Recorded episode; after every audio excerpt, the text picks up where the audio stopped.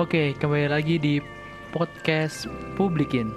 Pada episode kali ini, podcast Publikin bakal mengedukasi. Aduh, mengedukasi. Serasa paling pinter, enggak lah. Ya mungkin bahasanya kita bakal sharing-sharing pengetahuan lah ya. Sebelum itu teman-teman udah baca belum nih yang ada di Instagram Publikin tentang pemangzulan? Nah, kalau teman-teman belum baca, monggo bisa dibaca dulu karena di podcast kali ini sifatnya hanya melanjutkan dari yang sebelumnya. Oke, yang sudah kita bahas sebelumnya yaitu tentang pengertian pemakzulan. Kali ini kita bakal bahas lebih dalam lagi tentang apa itu yang dimaksud dengan pemakzulan. Sebenarnya pemakzulan sama kudeta tuh apa sih bedanya? Kan sama-sama turunin presiden gitu. Nah, jadi gini, kudeta itu dia kayak menurunkan paksa gitu. Jadi presiden itu diturunkan paksa oleh yang berwenang dan sifatnya itu dia brutal, inkonstitusional, berupa pengambil alihan kekuasaan, penggulingan kekuasaan sebuah pemerintah negara. Nah, kalau pemakzulan tuh dia itu cuman kayak opini gitu.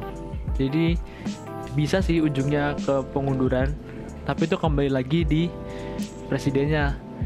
Jadi pemakzulan itu istilahnya kayak bahasa halusnya gitu kayak bahasa sopannya gitu hanya opini biasa. Terus kalau kudeta itu kayak penurunan secara paksa gitu. Jadi dipaksa turun gitu perbedaannya sih itu. Terus uh, dengar-dengar ini ya ada sih berita-berita yang memberitakan tentang wacana-wacana pemakzulan ada sebuah contoh di salah satu universitas tanaman Jawa Tengah hendak menyelenggarakan sebuah diskusi dengan tema persoalan pemecatan presiden di tengah pandemi ditinjau dari sistem ketatanegaraan. Diskusi ini dilaksanakan dalam rangka merespon kebijakan pemerintah yang dinilai tidak konsisten, teman-teman. Dalam hal ini adalah pemberantasan penyebaran COVID-19. Lalu kemudian para penyelenggara ini diteror oleh beberapa oknum dengan dugaan sedang memanfaatkan momentum diskusi tersebut untuk kepentingan lainnya. Sehingga muncul isu bahwa diskusi tersebut adalah salah satu bentuk upaya pemangzulan terhadap presiden. Hmm, emang gampang ya menurunkan presidennya. Kita beralih dulu nih ke isu yang lebih hangat ya yaitu dengan disahkannya rancangan undang-undang cipta kerja menjadi undang-undang yang hingga saat ini masih menuai polemik di dalam lapisan masyarakat. Kalau teman-teman sempat tahu ya, salah satu tuntutan dari beberapa aliansi itu tuh dia menuntut soal pemakzulan presiden. Hmm, jadi biar kita tahu nih pemakzulan itu bisa atau enggak. Kita coba dulu nih kita teliti nih gimana sih sebenarnya mekanisme pemakzulan itu. Nah, dalam amandemen ketiga Undang-Undang Dasar 1945 udah diatur nih mekanismenya. Pemaksudannya terhadap presiden itu dimulai ketika satu ketika DPR menggunakan hak bertanya yang merupakan fungsi pengawasan seperti diatur di pasal 20A ayat 1 yang berkorelasi dengan pasal 7B ayat 2 Undang-Undang Dasar 1945.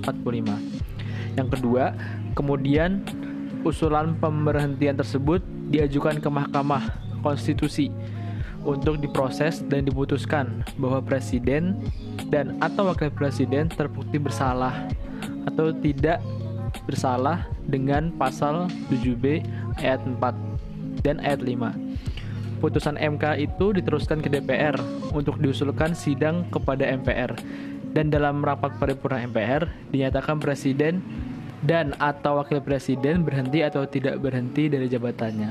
Jadi kalau pengen presiden itu nggak segampang itu Ferguson. Waduh Ferguson. Nah jadi nggak segampang itu teman-teman.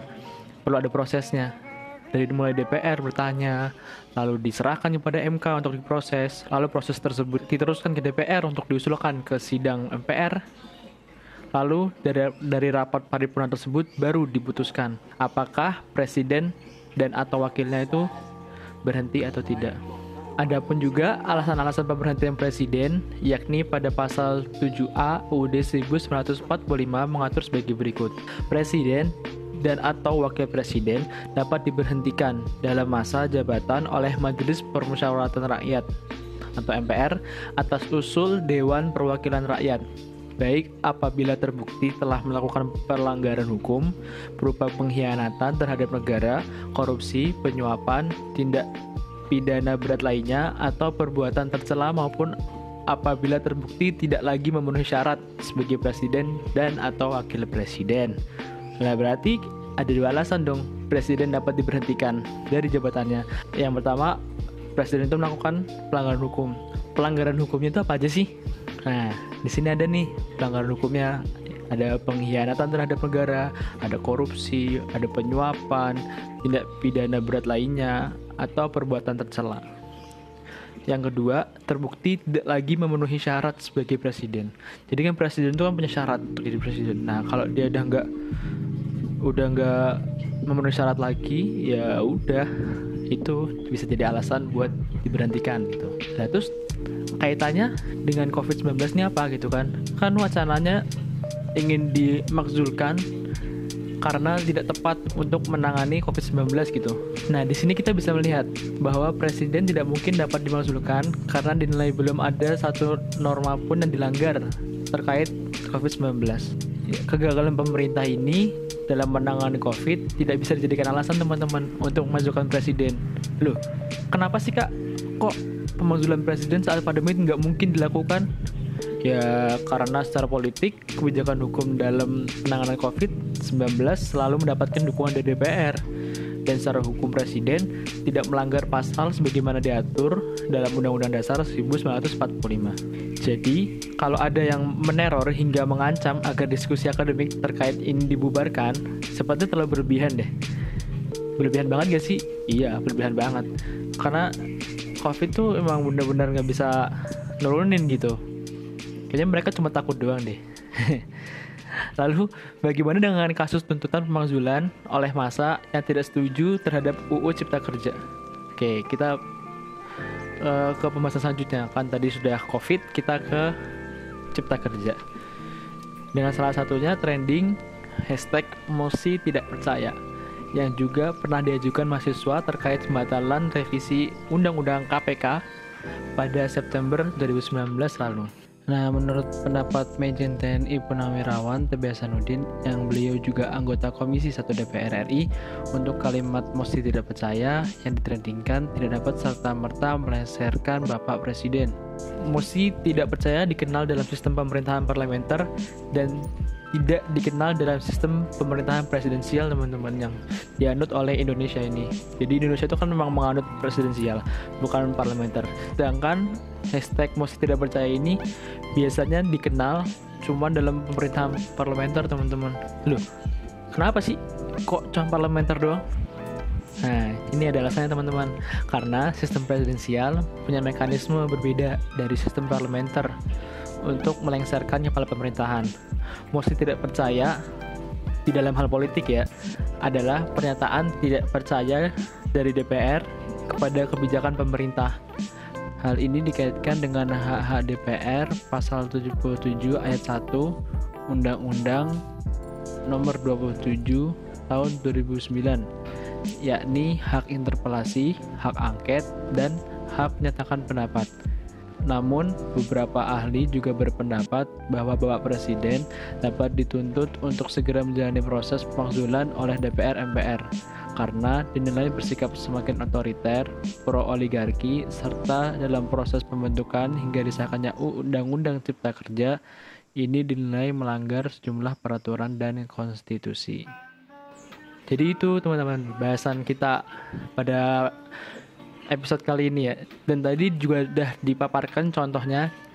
Kita mengambil contoh uh, kasus besar di Indonesia sekarang ini ya. Yaitu penanganan COVID-19 dan pengesahan UU Cipta Kerja. Jadi dengan adanya episode ini bukan berarti paling benar ya teman-teman. Bisa teman-teman kalau ingin berpendapat silahkan bisa banget berpendapat tinggal hubungin aja Instagramnya @publikin. Bagi teman-teman yang belum tahu Instagram publikin bisa cari di, Insta di Instagram @publikit. Bisa di follow dan situ bisa kalian DM aja. Dan nanti tinggal kita bisa diskusi di situ.